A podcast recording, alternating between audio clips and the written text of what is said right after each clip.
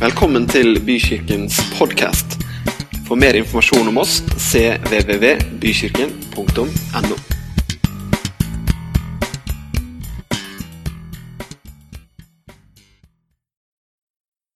Og det gode er jo at han, han vil at vi skal fullføre. vet du. Mer enn du egentlig klarer å mobilisere til å fullføre livet med han, komme til himmelen, feire evigheten. Mer enn du klarer å liksom fortelle om følelsene eller fortelle om bestemmelsene. Mye mer så ønsker han at du skal fullføre. Han, det står faktisk at han har gjort alt klart for oss. Det står at vi kan gå eller leve i ting som allerede er gjort ferdig for oss. Det er jo helt sprøtt. Vi snakka om tankelivet. Hvordan Jesus, det han har gjort, det er fullkomment. Det er Samme hva du tenker, så kan ikke det endre noe på at Jesus døde på korset. Seiret over død, tok bort synd og skam. Det er et faktum. Men så snakka vi veldig tydelig om hvordan tankene våre, sinnet vårt, hvordan det er sånn et sånt område hvor kampen ofte står. Derfor er Bibelen ærlig på å snakke om tanker. og Vi leste et skriftsted, og vi skal, vi skal, lese det igjen, for det er det vi skal bruke i dag også.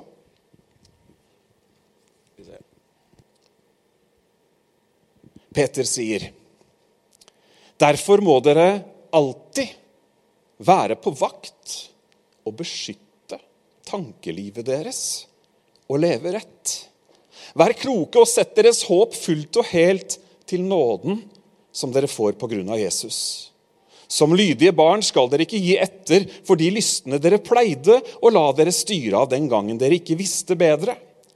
Men slik som han, slik han som kalte dere er hellig, skal også dere være hellige i måten dere lever på. Det er skrevet dere skal være hellige, for jeg er hellig.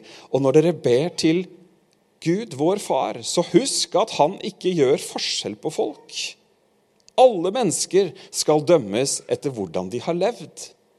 Ta ikke lett på livet, for husk at deres egentlige hjemland ikke er her på jorden. Vi snakka om å være på vakt. Hva slipper vi inn i tankelivet? Og Vi snakka mye, nå bare reklamerer jeg litt sånn at du får med deg del én. Hvis du i dag liker del to, så må du få med deg del én også. Den, den kan du høre. Vi snakka om hvordan hva vi tenker om oss selv, påvirker hvordan vi har det, og hvordan vi tar det, altså hvordan livet egentlig ofte ender. Og Én ting er våre egne tanker. De fyller sinnet vårt. Og Jeg sa ikke så mye om det eh, forrige søndag, men det kommer mer utover våren. Eh, fordi at det handler også om hva vi utenfra slipper inn i våre tanker, det former også tankene våre. Hva vi hører på, hva vi ser, eh, hva, hvilken, hvilken, kultur vi slipper inn, hvilke holdninger osv. Det er også med på å påvirke livet vårt. Og du vet at du kan faktisk ganske fort ved å lese, høre og ta inn signaler som ikke er fra Gud, så kan du sitte igjen med en ganske sånn forstyrra tankeliv i forhold til hva Gud ønsker at vi skal tenke om oss selv. Rett og slett. Og Det er alvoret i det, og det er derfor jeg snakker om disse to tingene. Nå skal du snart vite hva den andre tingen er. Men tankelivet, beskytte tankelivet.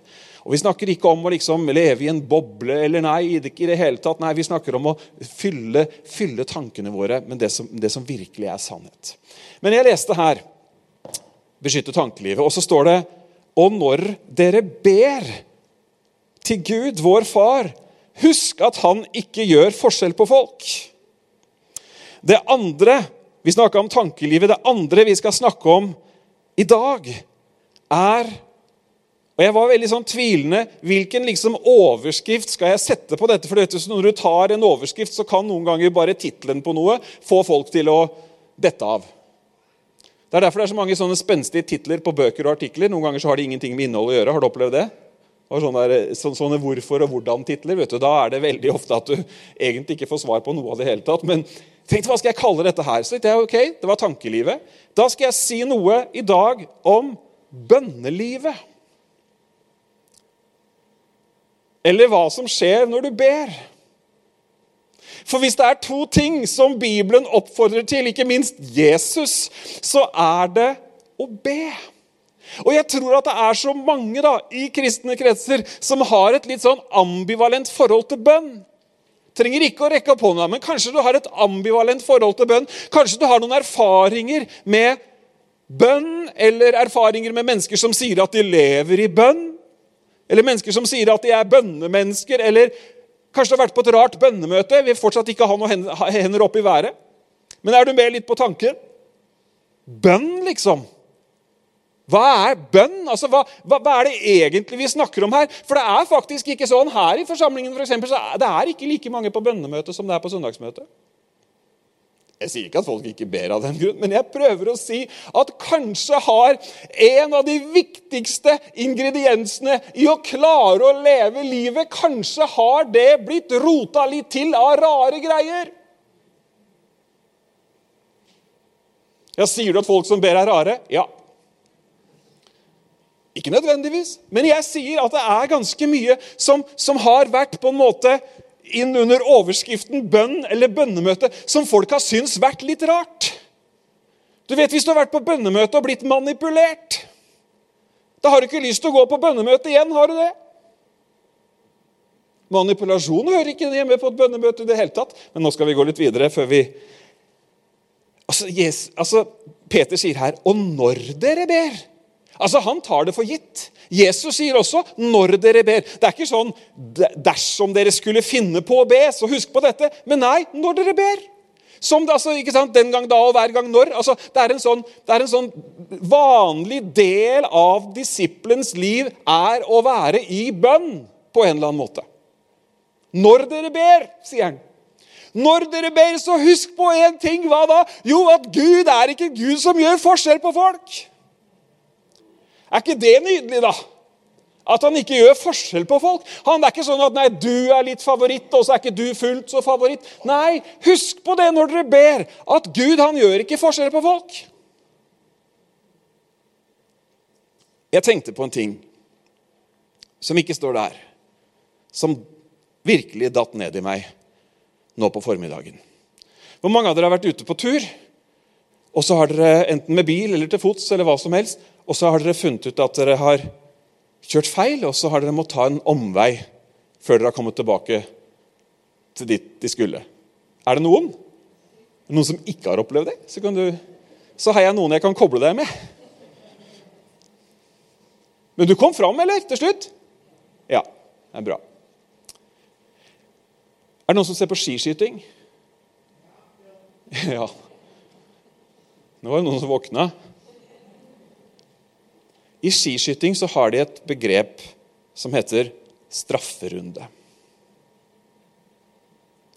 De som må gå strafferunde, det er de som har bomma. Riktig. Men etter at de har gått den strafferunden, kommer de liksom Er det strafferunden, og så går de et annet sted? Er det en annen mållinje de går over? Nei, det er ikke det. Vet du hva jeg tror? Jeg tror at det er noen her i dag, kanskje flere, som tenker at vet du hva, jeg har fått opptil flere strafferunder. Jeg var med i løpet som andre. Stilte til start. Og så var det et eller annet, og det kan være hva som helst. og Derfor er bare skiskyting et litt sånn fint bilde på det, for de er jo like alle disse her blinkene. Men så føler man at man har, eller så opplever man at man Oi, ting ble ikke sånn som det skulle ha blitt. Jeg tror det er et ord til noen. Ting ble ikke som det skulle ha blitt. Og så tenker man at ah, Hvorfor ble det sånn? Hvorfor, hvorfor, hvorfor, skal jeg gå den runden her? Hvorfor har det blitt sånn? Og så videre og så videre. Men vet du hva, jeg har et, et oppmuntringens ord til deg. De som går strafferunder, de kommer også i mål. De kommer også i mål. Kanskje noe skjedde, kanskje du tok et valg, kanskje du det ene, kanskje du det andre. Og så tenker du at du er, det er bare en strafferunde. Liksom, og noen ganger så har jeg sett, De går jo mange runder noen ganger òg, vet du. Men vet du hva? Selv etter strafferunder så kommer du i mål. Vi har snakka disse søndagene om å fortsette. Og vi snakker i dag og forrige søndag om ting som gjør at du og jeg faktisk klarer å fortsette å komme helt i mål. For det er en som vil at du skal komme i mål. Jo da, ting har konsekvenser. Jo da, valg medfølger, øh, gjør at, at, ting blir annerledes osv. Men vet du hva? Du skal nå målstreken. Amen. Ta det til deg. Si det til deg sjøl. Jeg skal nå målstreken. Fordi at det finnes en som heier på deg. Det finnes en som vil. Og det er jo nydelig da, de gangene hvor noen bommer, og så tar de strafferunden, og så vinner de! Det er fint, det. Det må føles litt ekstra godt. Og Jeg tror det er akkurat den følelsen der Gud vil at du og jeg skal ha når vi går over målstreken. Jo da, Bibelen er full av beskrivelser av strafferunder. Alle de store trosheltene i Bibelen de gikk strafferunder. Visste du det?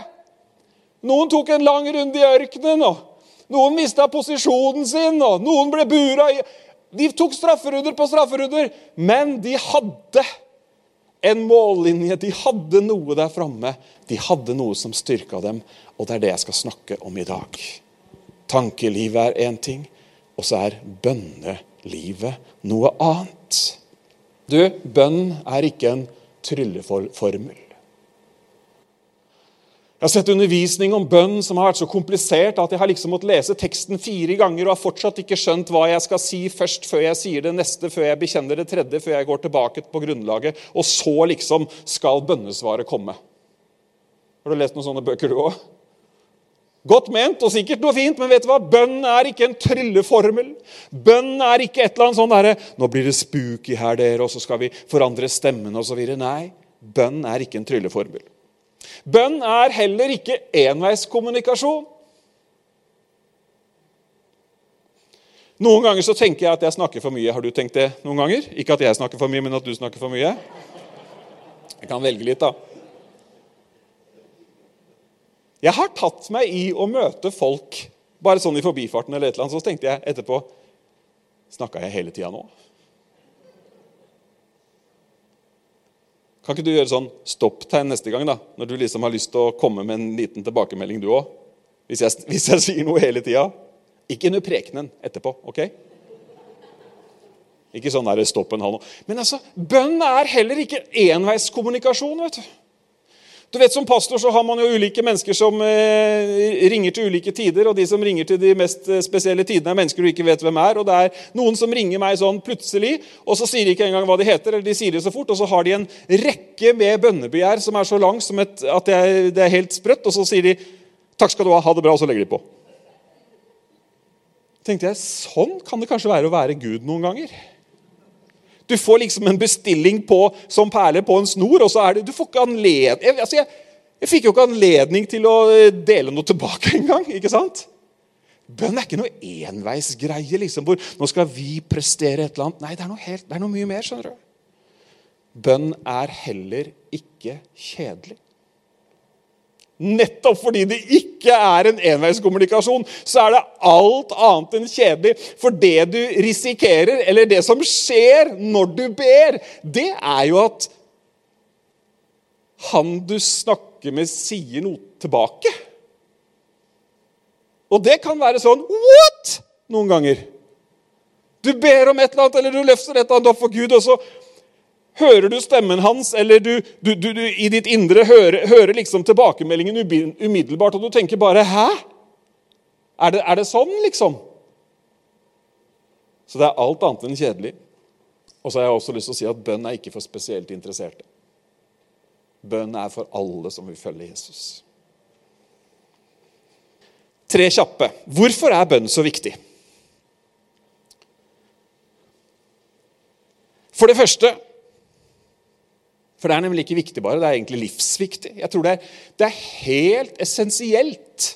Akkurat som det her med tankelivet er viktig, og helt viktig, så er dette her med bønn helt utrolig viktig for at du og jeg ikke bare liksom skal, skal ende opp og ha mista troen. For det første så utvikler det forholdet vårt til Gud. Jeg tror du får det på veggen her også. Ja, det utvikler forholdet vårt til Gud. Det er så enkelt dere, at vi som mennesker, hvis vi skal utvikle forholdet til et annet menneske, så skjer det ved at vi kommuniserer med det mennesket. Og det er det som skjer når vi ber. Vi er i kontakt med Gud. Vi, vi, ber til Han, vi snakker med Han, vi takker Han, vi ærer Han, vi priser Han. Vi gjør mange ting. Det utvikler forholdet. Akkurat som all annen kommunikasjon gjør det. Og det er så mye mer enn å sende inn en bestillingsliste. Og det viktige med at vi ber, er selvfølgelig at vi får svar, men det er jo at denne relasjonen vokser.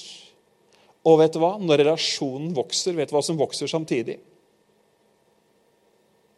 Tilliten. Det er viktig når en relasjon utvikler seg. Jeg har noen sånne mennesker ute som jeg føler jeg har kjent halve livet. og det hender jeg liksom, Når jeg skal beskrive hva slags folk de er, så sier jeg du vet, det er en sånn som jeg kan be om å pakke fallskjermen min. min. Har du hørt det uttrykket? Du er liksom interessert at noen veit hva de driver med, eller er til å stole på hvis de skal pakke den fallskjermen som skal redde deg når du hopper ut av flyet. Åpne for andre fallskjermer også, men det får vi ta en annen gang. Ingen som skjønte det, nei. Du skjønner at relasjonen vokser, og tilliten vokser. Så bønnen er kanskje mer enn noe annet et spørsmål om relasjon. Spørsmålet om et forhold til Gud.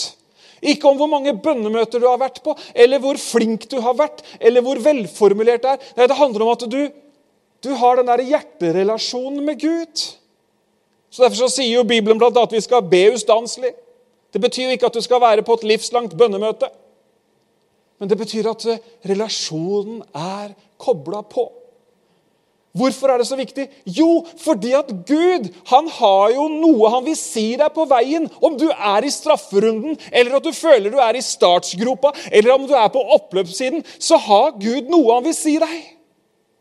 Og Gud har også noe han vil si til deg og meg når vi møter på de ulike utfordringene som vi møter på. Så har han noen ord, noen levende ord. Han har noe som har kraft i seg til å hjelpe deg over den kneika.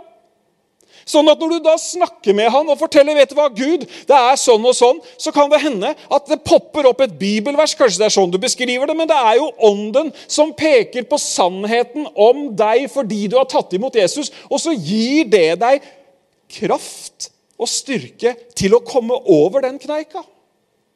Det er kjempeviktig. En annen ting som er utrolig viktig, er jo at vi i kommunikasjonen med Gud blir gjort kjent for hva Gud vil.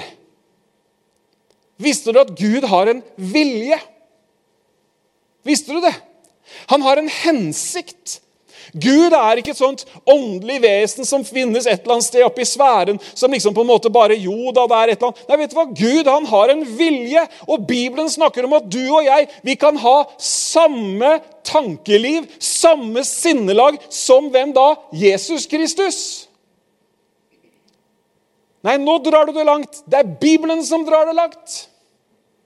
Fordi at når vårt sinn fornyes i henhold til Guds ord og til åndens ledelse, så vil vi i livet, i ulike situasjoner, vi vil være i stand til å kunne vite hva Guds gode vilje er. Tror du ikke på meg? Han vil at vi skal vite. Det er ikke sånn at Gud liksom elsker å ha oss på sånn der Og nå aner de ingenting. Nå skal jeg vente og se. Nei, vet du hva Gud vil? I de ulike situasjonene vi står i i vår hverdag, så vil Gud at vi skal vite hva er hans vilje midt oppi dette her. La meg ta deg med til et vers som står i, i Romerbrevet, som handler om akkurat dette her. Skal vi se, hvor ble det av det, da? Har så mange skriftsteder, vet du. Her Romerne 12,2, det er ikke sikkert den kommer, men uh, hør etter. La dere ikke påvirke av denne verdens tenkemåte, men sørg for at dere stadig får impul himmelske impulser. La Gud påvirke deres måte å tenke på slik Hør her. Slik at dere Det er oss. Slik at dere til enhver tid kan vurdere hva som er Guds vilje med deres liv, det gode, det som gleder Gud det fullkomne. Hm. Relasjonen med Gud, bønnen med Gud, gjør at når vi står overfor ulike valg Og dette er viktig, dere, for vi har jo alle valgt feil en og annen gang. Det er jo ikke noe moro, men det er faktisk da altså mulig. Og jeg sier ikke det som et sånt uoppnåelig prestasjonsnivå å legge lista høyt, men det er da altså mulig i kommunikasjonen med Gud, i relasjonen, der hvor tilliten har vokst, å faktisk kunne henvende seg til Gud. Hva vil du nå, Gud? Hva er din vilje i dette her? Og vi trenger det i så mange hverdagslige situasjoner. Vi har valg vi skal ta, vi har barn vi skal oppdra, vi har mennesker vi lever sammen med, vi har arbeid, vi har så mange ting. Hva vil du nå at skal skje, Gud? Hva, hva, hva er din vilje i dette her? Og så kan man kjenne hans fred og hans ledelse, og så kan man gjøre det som er i henhold til hans vilje, og det hans vilje er fullkommen. Det betyr at den er god, den er rett, den er sann, og den har en evighet som konsekvens. Det er bra. Veldig bra. Ok, Så det første er altså, første er altså at, vi, at det utvikler forholdet til Gud. Det andre som er å si om bønn, og vi kunne hatt en lang liste, men for det andre så lærte Jesus oss at vi skulle be. Klar beskjed fra Jesus. Disiplene spurte han. De, de så at Jesus ba, skjønner du. Litt rart at Jesus måtte be, er det ikke det? Han var jo Gud. Men han ba. Ikke fordi han hadde fått beskjed om at nå skal du finne fram rosenkransen din, og så skal du eh, ta et sett med Ave Maria og det ene og det andre, og så skal du liksom eh, kjøre, kjør, kjør tidebønnene nå, Jesus. Husk på det når du drar ned på jorda. Så og så mange ganger om dagen. Så, nei, nei, nei, nei. Det var en relasjon der. Og så sier Jesus noe om dette som er helt fantastisk. Han sier i Johannes 5 så sier han, Jesus sa til dem, dere skal vite at jeg, sønnen, ikke kan gjøre noen ting på egen hånd. Jeg kan bare gjøre det Gud, min far, viser meg at jeg skal gjøre. For jeg ser hva Gud holder på med, og han vil at jeg skal gjøre det samme. Gud, min far, elsker meg og viser meg hva han vil jeg skal gjøre. Er ikke det nydelig? Og det Jesus egentlig, eller det han, ikke egentlig, det han sier her For han er jo den førstefødte blant mange. Det betyr at han er eksempelet vårt. Han er, han er, han er holdt på å si, Guds barn, akkurat som vi er Guds barn. Så han, han gir oss en han gir oss et eksempel, han gir oss en, en måte å leve i relasjon med Gud på som er ment for oss også. At vi som sønner og døtre ikke bare skal liksom tjo og hei og hu og hei. Nei da, vi, vi, faktisk er i kontakt med Gud, og så gjør vi det han viser oss at vi skal gjøre. Hm. Det er jo spennende liv, er det ikke det? Nei, den var det ingen som fikk med seg. Hva vil du jeg skal gjøre nå, Gud? Han har en vilje. For det tredje, som om du skulle trenge en, en oppfordring til da, Det er ikke sikkert du trenger det, men jeg tar det med likevel. For det tredje, nemlig som bønnen handler om, og som selvfølgelig også er viktig, det er jo at det gir resultater. For noen måneder siden så kom det en kar, og så sa han Han er litt sånn stillferdig, og så sa han Ja, vi ba jo her eh, forrige tirsdag, og jeg må vel i grunn si at jeg har opplevd et mirakel. Jeg tenkte Det er bare en, en nordmann som kan si at man har opplevd et mirakel på den måten. For det var så avmålt at hvis ikke jeg hadde hatt høreapparatet på, så hadde jeg ikke fått med at han sa det i det hele tatt. Ja, hva mener du, sa jeg. Jo, vi ba jo for den her jenta som jeg fortalte om, og vet du hva? Absolutt alt har snudd! Og det var heftig, skal jeg si det. Det var skikkelig heftig. Og jeg, jeg, jeg, husker jeg ble sånn lamslått. Hva er det du sier? Ja men, ja, men det da, det da. Alt har snudd sånn! Det er ikke til å tro! Han kom seg litt opp etter hvert. Så selvfølgelig er det å få bønnesvar en viktig del av det å be. Men vi har ofte gjort bønn til noe teknisk. Si en bønn og håp at det skjer noe. Som en eller annen lottokupong. Og da hender det det blir lite resultat. Jeg vant forresten i Lotto her om dagen. 30 kroner.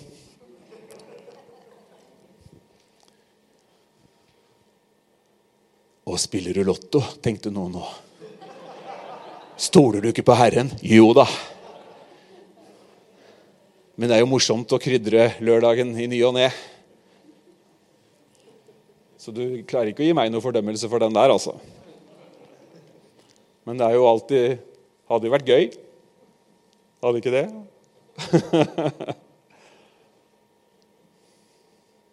Men det gir resultater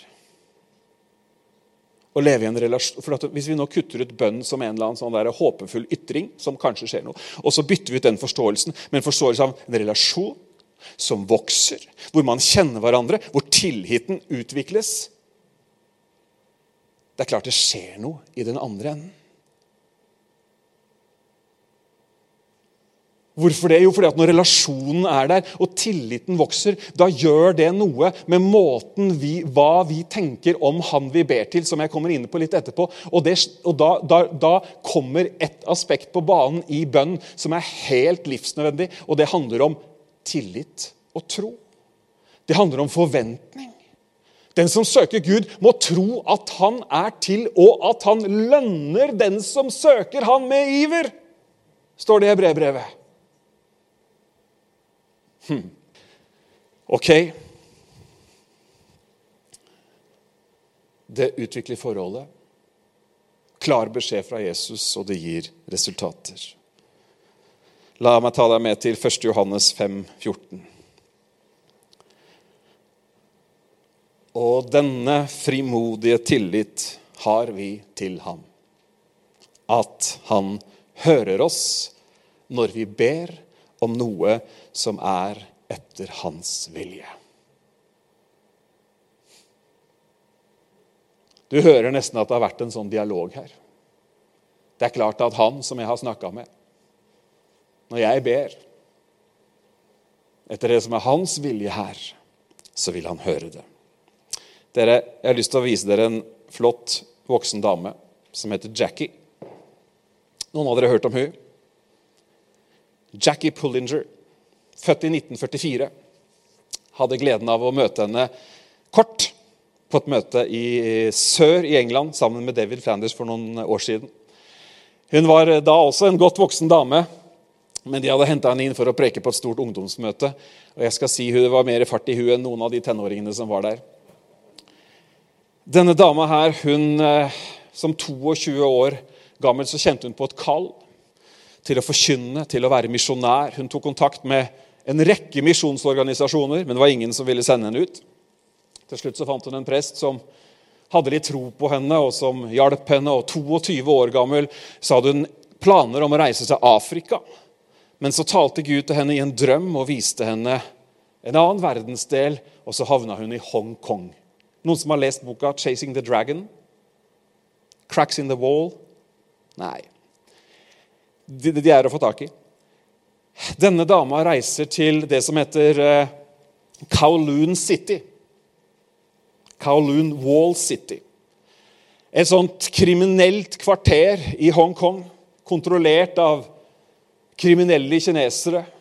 Eh, enormt med dyrking av opium, prostitusjon. Du kan bare tenke deg det verste av det verste. Der lander hun med et brennende hjerte om å se at ting begynner å endre seg. Ingenting skjer.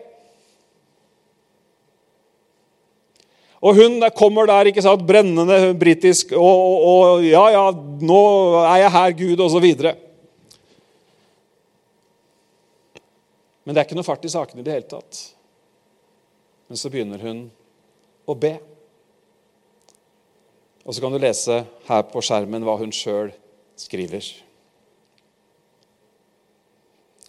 Hver dag ba jeg 15 minutter på det språket som Ånden hadde gitt meg. Og fremdeles følte jeg ingenting når jeg ba. Når jeg ba om din hjelp til eller, Hva står det? Han, følte jeg ingenting når jeg ba om hjelp til å be, hjelpe meg for å be for dem han ønsket å nå. Etter seks ukers tid begynte jeg å lede mennesker til Jesus uten å streve for det. Forbrytere falt hulkende på kne på gatene. Kvinner ble helbredet. Heroinslaver ble satt mirakuløst fri. Og jeg visste at de ikke hadde noe med meg å gjøre.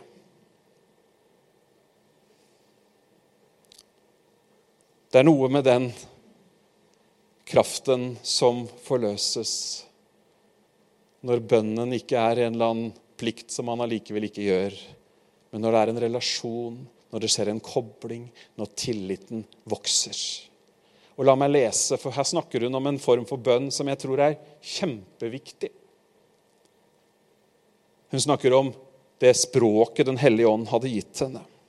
I 1. Korinterbrev 14 så står det, og det er hverdagsbibelen jeg bruker fortsatt For om jeg bruker bønnespråket og ber i tunger, da er det min ånd som ber.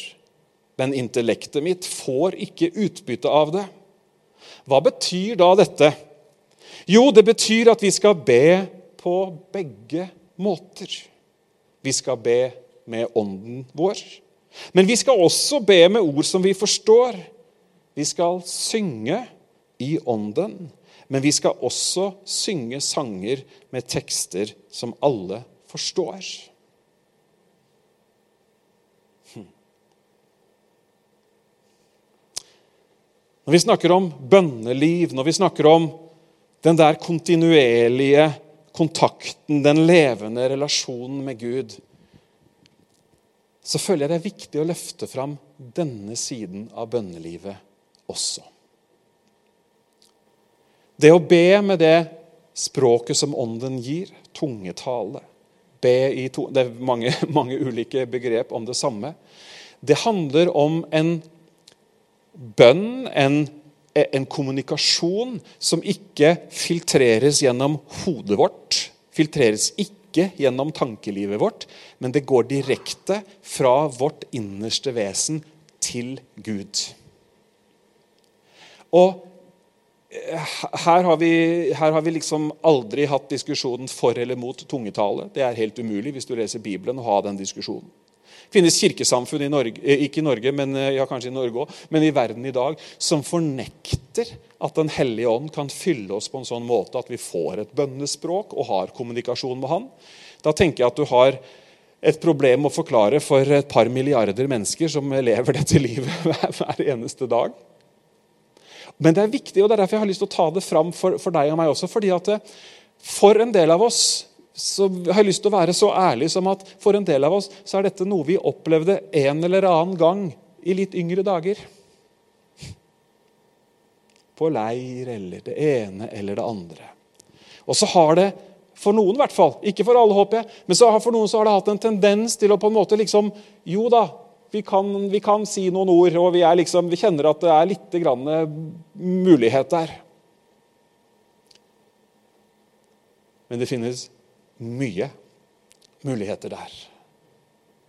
Og jeg tror kanskje også at Jeg vil si det så tydelig som at vi trenger, du og jeg trenger, i 2022 så trenger vi å be i ånden også. Vi trenger å be med forstanden. Legg merke til at her settes de ikke opp mot hverandre i det hele tatt. Nå finnes det andre steder i Bibelen som sier noe om at ikke ta fullstendig. Det er ikke noe poeng når ikke de andre skjønner noe av hva som foregår. Men når det gjelder det personlige bønnelivet, så er det å la din ånd slippe slippe løs og be til Gud i ånden, det er essensielt. Og det er så kraftfullt. Og så dere den endringen som hun her vitner om? Og så skriver hun noe som også er litt sånn interessant, og kanskje spesielt til den pinsekarismatiske delen av kirkelandskapet. fordi at hun sa noe sånn som at Skal vi se Og, jeg, og fremdeles følte jeg ingenting. Nei, føler du ikke noe? Da må du slutte med en gang. Det er ikke sånn. Det er ikke sånn. Be i ånden og be med forstanden. Syng i ånden og syng med forstanden. Amen. Du vil oppleve at om du gjør dette her, så gjør det noe med ditt indre menneske. Det gjør noe med ditt åndsliv. Jeg kan garantere det. Sier det som en invitasjon. Sier det som en formaning. En formaning vet du, det er en oppmuntring på vei i riktig retning. Det gjør noe med oss. Og det kan jo virke så meningsløst eller så rart da, hvis du bare liksom tenker på, hvis du tenker intellektuelt på det. og Man har jo forsøkt å forstå dette her intellektuelt, men man forstår det jo ikke. fordi at Gud han er ikke bare på det intellektuelle planet. Han, han, overgår det voldsomt. Bibelen snakker om at i ånden så finnes det dybder som ikke noe menneske kan få tak på. Men i tillit til Han, i tro til det Paulus oppfordrer, i tro også, og også med det som så mange mennesker har, eh, har opplevd, så er dette en sånn nydelig måte og noen tenker noen at det er skummelt, men man, man kobler på en måte intellektet eller tankelivet. Ikke fordi man ikke vil ha det, men man vet at også det finnes noe her inne som overgår det. Be i Ånden. Be i Den hellige ånd. Og Kanskje du har gjort det før, kanskje du aldri har gjort det. Hvis du ikke har gjort det, få noen til å be for deg. Be Gud om at han skal fylle, fylle det. Han gjør det. I apostlenes gjerninger så ser vi gang på gang så ser vi at mennesker som en gang hadde blitt fylt av Den hellige ånd, ble lagt hendene på en gang til. Det hadde liksom slokna, det hadde dabba litt av. Og jeg tror på seg selv kjenner man andre. Jeg tror at det kan i en travel hverdag ha litt sånn lett for å på en måte dabbe litt av. Og ikke minst så er det en enorm hjelp, fordi at jeg går tom for ord. jeg. Tro det eller ei, Bent Ove går tom for ord når han ber på norsk. Og noen ganger når jeg møtes av, av ting som jeg altså, du vet Det står at, står at, ånden går i forbønn for oss med ord med, med, altså med, med, Hva står det for noe? Med med, med sukk som ikke kan rommes i ord. Ja. Når noe virkelig møter oss, så er noen ganger det eneste jeg kan gjøre, så kjenner jeg at det er noe her inne som bare er umiddelbart våken, og så kan jeg be i ånden for en situasjon. Jeg vet ikke engang hva ordene er, men jeg vet at min ånd kommuniserer med Guds ånd, og så skjer det noe. Et mektig våpen er gitt deg! Jeg snakker om ting som er med på å gjøre at du skal fullføre løpet, at du skal gå veien. Da er dette en viktig side av livet i bønn. Det er en viktig del av kommunikasjonen med Gud i bønn. Fordi at hodet vårt klarer ikke Unnskyld meg, du er både smart og langt over gjennomsnittet, men intellektet ditt er begrensa i forhold til det å forstå den allmektige. Er ikke det bare greit? Kan vi ikke bare bøye oss i støvet, da? For det må vi en gang til slutt, til syvende og sist, alle sammen. Selv om vi er flinke og opplyste, og alt mulig, så er det en dybde, en styrke, en, et perspektiv som, som, finnes i det åndelige. Og Det er jo derfor han har vært så fantastisk god at han har sagt dere skal ikke bli etterlatt som foreldreløse barn. Nei da, jeg skal gi dere den kraften, sånn at dere faktisk kan fullføre løpet. Halleluja. Oi, oi, oi. Om det er kort tid siden, lang tid siden, aldri gjort det før, gjort det allerede i dag, spiller ingen rolle. Men pris Gud i ånden og med forstanden.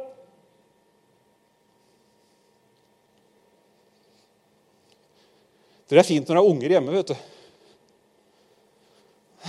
En stund siden nå, vet du, og jeg sto der på badet og var litt salig en morgen.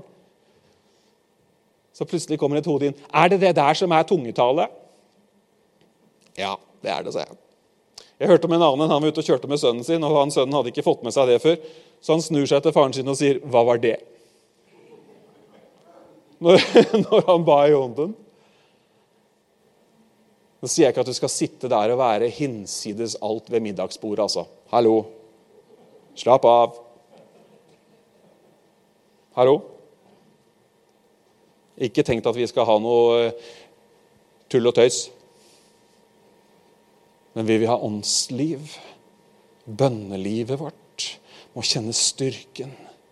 Det er i å bare åpne hjertet sitt og prise Gud på et språk som du ikke forstår. Og så ser vi hva det forløser av kraft inn i tjenesten. Inn i hverdagen. Kunne ikke vært interessant å ha tatt et sånt Jackie, uh, Jackie-stunt i livet? Jeg sier ikke du skal gjøre det. Jeg syns bare, bare, det er veldig interessant. det, at hun, hun, tok det, Jeg vet ikke hvem som sa 15 minutter, men hun tok det tydeligvis veldig bokstavelig. Ok, Gud. For hun kjente seg jo leda til dette. Da gjør jeg som du sier, da. Kan det hende at når du først står der i Hongkong alene, at du er litt mer lydhør for hva han sier? det er noe med det å komme i en sånn situasjon hvor liksom, nå er det bare én som kan hjelpe meg, og det er Gud. Så tar han på ordet, og så ber hun. Hm.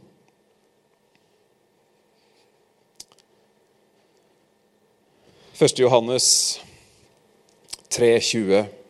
For dersom vi fordømmer oss selv Smak på den. For dersom vi fordømmer oss selv Hva er det å fordømme seg selv?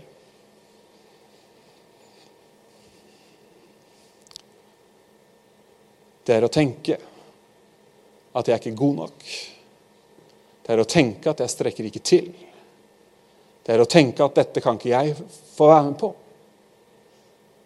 Dersom vi fordømmer oss selv, så husk at Gud er større enn oss og vet alt om oss.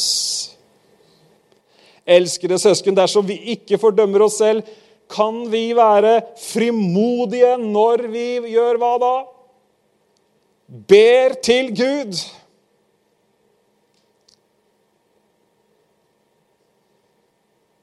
Frimodige når vi ber til Gud. Hva vi enn ber om, vil vi få det av ham fordi vi lever slik han vil og er til glede for ham. Frimodige bønner. Et sitat fra en kristen forfatter som heter Andrew Murray, lyder sånn Bønnens makt står og faller nesten utelukkende på vår oppfatning av hvem vi snakker til. Det er godt sagt. Bønnens makt står og faller nesten utelukkende på vår oppfatning av hvem vi snakker til. Så da blir jo spørsmålet hva slags oppfatning har vi av Gud? Har vi en oppfatning av at Gud er en som kan gjøre alle ting? Har vi en oppfatning av at Gud er god? har vi en oppfatning av at Gud vil oss det aller beste. Hva slags oppfatning har vi av Gud? Er han fjern? Er han nær?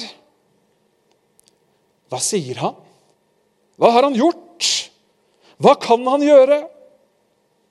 Hva tror du? Hvor mange ganger sier ikke Jesus til mennesker som nettopp demonstrerer sin oppfatning av den de ber om å gjøre noe. De kommer til Jesus og så sier de, 'Si bare et ord', eller 'gjør bare det'. Og så sier Jesus hva da? 'Din tro har frelst deg. Reis deg og gå'. Altså, de har, de har en oppfatning. altså 'Han er fin, han er enig', vet du. Du trenger ikke å komme hjem til meg engang. Tjeneren min ligger sjuk, du trenger ikke, trenger ikke å komme hjem engang. Bare si et lite ord. Hold, altså, da har du en oppfatning av Gud som er ganske rå. Han der, vet du. Han, han der. Han der. Han, han trenger bare å gjøre det, eller bare å si det. Derfor er det umulig å bli godtatt av Gud uten å tro på ham. Den som kommer til Gud, må tro at han er til, og at han belønner dem som søker han med iver. Hebreerbrevet 11,6. Dere, hva må til for at du og jeg skal fortsette i troen? Fortsette å leve det livet som Gud vil at vi skal leve. Jeg er så glad for at Gud ikke har liksom tenkt at vi skulle få en liten smakebit av det himmelske, og så skulle vi liksom ende opp som en eller annen eh, bitter, eh, fortvilt eh, person, og, og, og, liksom det blei med det. Nei, vet du hva? Gud han vil at du skal fullføre løpet. Akkurat du. Ja, men jeg er sånn. ja, men jeg Spiller ingen rolle. Vi er forskjellige, og det vet Gud. Vi leser, og han vet alt om oss. Og om vi selv fordømmer oss selv, om vi selv avskriver oss selv, så er han større enn oss. Det betyr at det han sier om oss, er mer sant enn det vi sier om oss sjøl. Jo, men Skal jeg ikke få lov til å definere meg sjøl? Jo, det skal du gjerne få lov til å gjøre. Men husk på at det, det, finnes en skaper bak deg. Det finnes en god far som faktisk kanskje til og med har noen tanker om deg. Han har noen tanker om deg som er enda bedre om deg enn det du har klart å si til deg sjøl på din aller beste dag. Det er heftig. Oi, oi, oi. Han har tro på deg. Han vil du skal fullføre. Og vet du hva? Denne våren her så har vi begynt sånn som vi gjør nå. Og så skal vi snakke om ulike ting rundt dette her som relaterer litt til hvordan vi som troende faktisk har blitt gitt ting, har fått ting osv. For det er så viktig. Ikke bare for meg, enda mye mer viktig for Gud. At ikke vi bare mister folk fordi vi mister folk, men at du bevarer troen og toger inn i himmelen en dag. Yes! Og vet du hva? Det er mulig. Hørte du hva jeg sa? Det er mulig. Jo, men har du lest den og den saken? Nei, kanskje ikke. Sikkert lest en annen sak. Har du sett hva som har skjedd der? Altså, Du kan jo bare åpne noen, noen aviser og noen nettsteder osv. Og, så videre, og så kan du jo tenke det er jo jammen så mye rart som skjer at jeg tror jeg liksom trekker meg tilbake. Bibelen sier vi er ikke blant de som trekker oss tilbake. Står det i brevbrevet. Vi er ikke av de som trekker oss tilbake. Vet du hva? Jeg tror på evangeliets kraft. Nå kunne du sagt amen.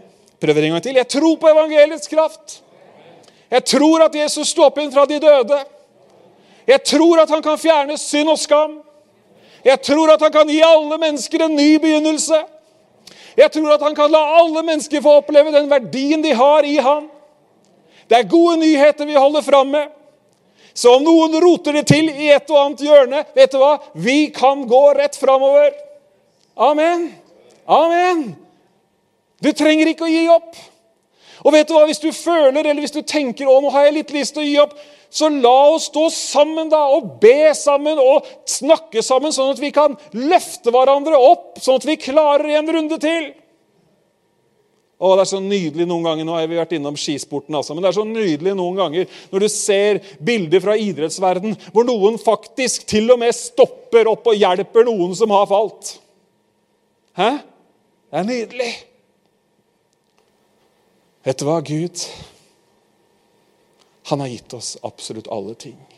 Før denne lille passasjen, som er fra 1. Peter 1, hvor han sier 'pass på tankelivet', og når dere ber, så har han en sånn liten fin tirade i begynnelsen av kapittelet der om arven som ligger der klar for oss, om hva Jesus har gjort Hele greia. Altså, bakgrunnen for at vi snakker om disse tingene i dag, er jo fordi at Guds kjærlighet har blitt demonstrert. Hans godhet har liksom Oi, oi, oi, på grunn av Jesus ikke sant, så er alt klappet og klart. Og så kan du og jeg vi kan gå gjennom dette livet. Ikke på rosa skyer, nei. Da hadde det ikke vært nødvendig å ha en relasjon med Gud. Da hadde det heller ikke vært nødvendig å beskytte tankelivet sitt. Det at han snakker om å beskytte tankelivet, er jo fordi at det er en erkjennelse og en forståelse av at det er et, en side av livet som blir angrepet. ikke sant? Vi må snakke sant i kirka. Ja, ja, ja. Tanker kan komme fra alle mulige retninger. Og i, og, i, og i, dagens samfunn hvor vi i så stor grad også lever livene våre på sosiale medier og i ulike ekkokamre, så kan man jo veldig lett havne i en setting hvor du får så mye tankepåfyll som kan være av så feil karakter at du plutselig nesten føler deg overbevist om noe som ikke er sant i det hele tatt. Derfor så sier Bibelen at hele Skriften er nyttig Til hva da? Til opplæring i rettferdighet. Til korrigering, sånn at man liksom får den derre Ok, da, nå var vi ute på et sidespor, dere, men nå, nå er vi på veien igjen. Ikke sant? Amen. Så det er ikke noe gærent hvis du har vært ute på et sidespor. Men du kan få komme tilbake på veien. Veien heter Jesus Kristus. Amen. Han er veien, han er sannheten, han er livet. Så enten du har vært på strafferunde eller du har vært på et sidespor, så er det godt å vite at det finnes en som elsker oss, og som vil at vi skal løpe hele løpet. Det står det i Får lese det, da, siden det popper opp her. Ble det for mange skriftsteder? Nei da. Du har sikkert notert alle, så du kan slå dem opp når du kommer hjem. Ellers så pleier Per Yngve å være så grei. Det er Per Yngve som fikser podkasten for oss. Han, han, han, får det nesten ferdigtygd. Han skriver til og med i introen på podkasten hvilke skriftsteder, så du kan egentlig liksom bare gjøre deg klar for et bibelstudie hjemme. til og med. Det er ekstraservice. Det er eh, ekstraservice, det er Per Yngve, det. Det er ikke skjell lenger, i hvert fall.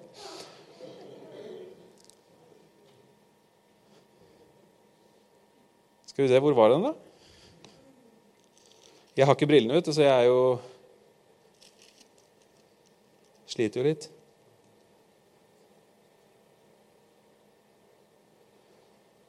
Oi, oi. Der var det andre skriftstedet, vet du. Men vi tilhører ikke dem som drar seg unna. Det er bra. Ja. Jeg tror bare jeg var et kapittel for tidlig. Jeg var i 11, men det er jo selvfølgelig 12. Derfor, hør her Hør her. Når det står 'derfor' i Bibelen, så handler det om det som akkurat er sagt. Ikke sant? Nå, nå, nå, har, nå har, forfatteren av hebreerbrevet nå har han tatt hele lista med folk som har hatt strafferunder, omveier, lidd tap osv. Altså, han har tatt hele trosrekka, og så sier han til oss da, som leser i dag Derfor, sier han. På grunn av alle disse her. Derfor skal også vi, siden vi er omgitt av en så stor sky av vitner. Alle historiene og alle de andre. Derfor skal også vi, siden vi er omgitt av denne skyen av vitner, legge av enhver byrde og synden som så lett fanger oss, og løpe med utholdenhet i den kampen som er lagt foran oss. Å ja, det er en kamp. Ja, det er en kamp.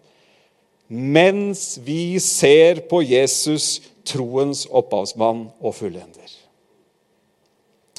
Du blir lett på foten, og du klarer hindringene når blikket er festa på Jesus.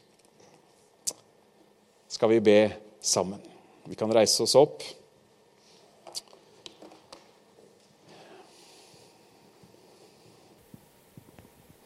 Jeg tror eh, ting som vi har snakka om i dag og forrige søndag, treffer oss på ulik måte. Det kan treffe oss på en måte som ikke Jeg sier ikke er det som er hensikten. Det kan treffe oss, og det kan hende at det du har hørt Og da har du hørt det gjennom et filter som ikke jeg kan gjøre noe med. Hvis du har, liksom, hvis du har truffet deg på den måten at du kjenner deg litt tung og så, å, jeg må be mer. Eller 'det her har jeg mislykkes i'. Ikke vært hensikten og ikke meningen. Det jeg håper, er at du tar dette imot som, den, som det gledesbudskapet det er. At det finnes muligheter. At Gud, han blir med på en straffer, blir med som du blir ferdig med strafferunden.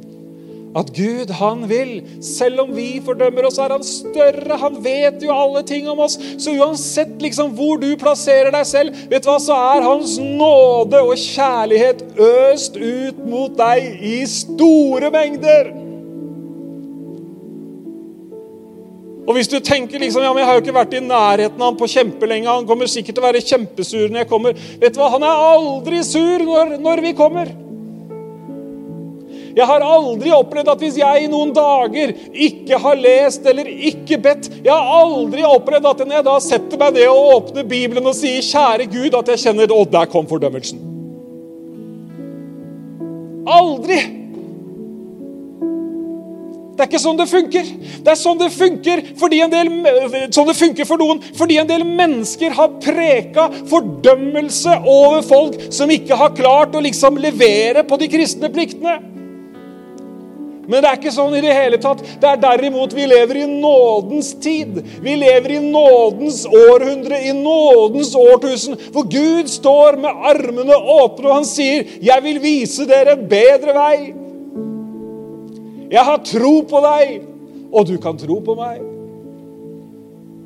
Er det ikke fantastisk?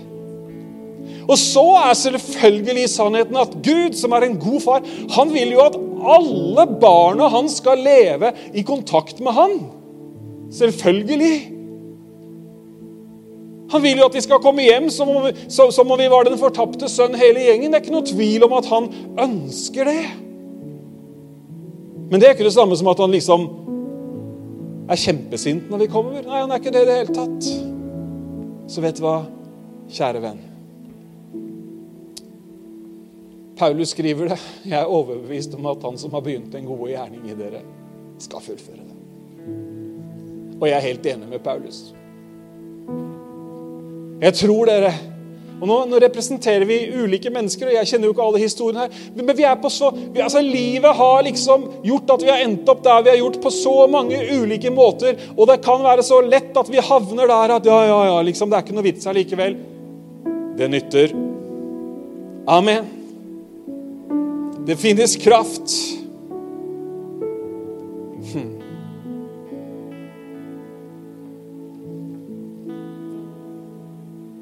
vi henvende oss til Gud i bønn. Kan du be der hvor du står? Skal vi synge et par lovsanger, og så skal vi bevare roen i rommet her.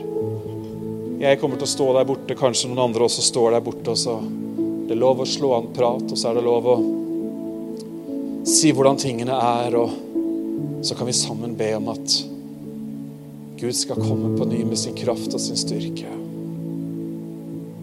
Noen ganger kan man føle at man trenger å gjenoppta kontakten. Sånn er det med på det menneskelige plan også. Gode venner man ikke har sett på lenge. Noen ganger så må man liksom bruke første halvtimen på å få en teknisk oppdatering. Kjære far, jeg takker deg for ditt store hjerte og for din gode plan. Din fullkomne plan for hver eneste en av dine barn. Takk for at vi får komme. Takk for at du snakker så sant om livet. Takk at vi ved din kraft, Herre, kan få kle av oss det gamle som har vært. Vi kan ta på oss rettferdighetens kappe, sånn som du ser oss. Takk for at vi kan få leve i en relasjon med deg, hvor vi har myke hjerter. Du står de stolte imot, men de ydmyke, de gir du stor nåde. Takk, far, for at du tar imot alle de som kaller på deg nå.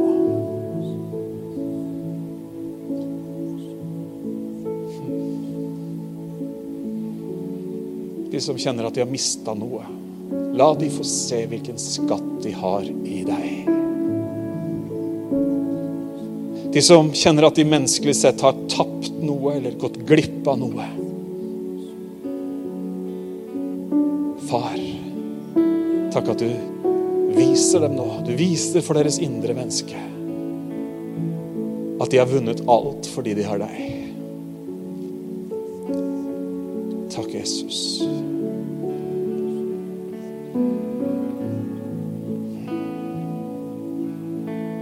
Hvis du åpner opp for Gud, hvis du åpner opp ditt indre, vet du hva, så finnes det ingen begrensninger for hva han kan gjøre i ditt innerste.